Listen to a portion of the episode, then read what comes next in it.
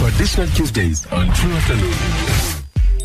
Alright siyakuba utyatyeka lohlobo ke siya kuye sonqola eh ngomcimbi eh onzima kakhulu namhlanje. Eh abantu mhlawumbe yathi ngeke ngizawuzibula mina qaluva namhlanje. Eh into efana le kodwa ke into enzekayo masikwamkele ba utyatyeka Ngelo cebo lam? Nkosi yami, ninjani namhlanje? Khona mani njani? so right ba utyatyeka man Yeah. eh namhlanje sikubamba sinqola ngomcimbi eh bamba bathi abanye siya- siyawuzibula sanga sawuva ukukhapha okanye ubuyise umntwana wakho. Eh, eh ke sayinqona into lelo madoda asebenza nawo kwiveke epheleyo eh isibasela le ndoda indlela ekwenziwa ngayo kokwayo. Sayothuka sathi masikwazi uyiphikisa ngoba yenziwa kokwayo le nto yenzeka. Ah. siyabuza i- ibalisa into yobana utata omkhulu wayo esaphila. Wama wafunga wathi ayinaze yenzeka endlini yakhe into yoba unyana wakhe omkhulu onomzi wakhe onabazukulwana bakhe eh wasele tshabile yena. Nawo bafuna umsebenza ke ngoku abantwana onyana bakhe nawantwana bakhe. Wathi utamkhulu lona no unotshe. Nothi mna ndisadla amazima ndisaphila em- eh noba ngamdala thini abe nabazukulwana thini eh andikwazi ukukhapha nina. Unyana wam funeka kubhubhe mna kuqala and then nisebenze then nandule ukusebenza. Unyana wam lowo siyabuza ingaba kuvumelekile na ukuba umuntu akhaphe okanye abuyise unyana wakhe xa unyana wakhe selwasweleka selemdala enomzi wakhe?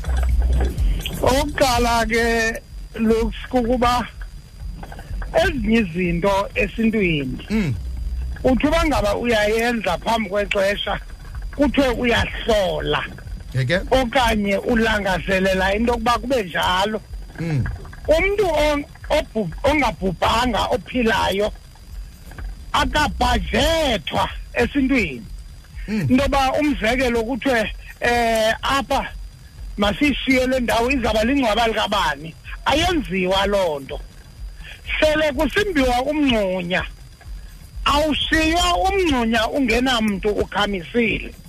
Kufuneka laa mngxunya umbiwe ngeli xesha kuzawungcwatywa umntu. So into ke yoku- yokukhapha kukhatshwa umntu osele ebhubhile. Ayinanto kwenza ke ngoko laa nto nomntu osaphilayo.